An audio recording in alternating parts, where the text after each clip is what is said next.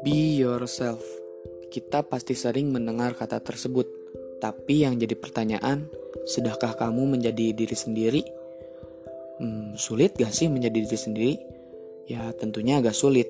Terlebih lagi ketika kita melihat orang yang di atas kita dan kita memaksakan diri untuk menjadi orang tersebut.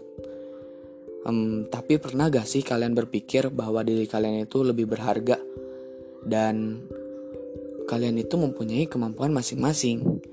Tampaknya hanya beberapa persen dari populasi manusia yang menyadari hal tersebut. Yap, jadi intinya kamu harus meyakini diri sendiri bahwa kamu itu lebih berharga. Kenapa?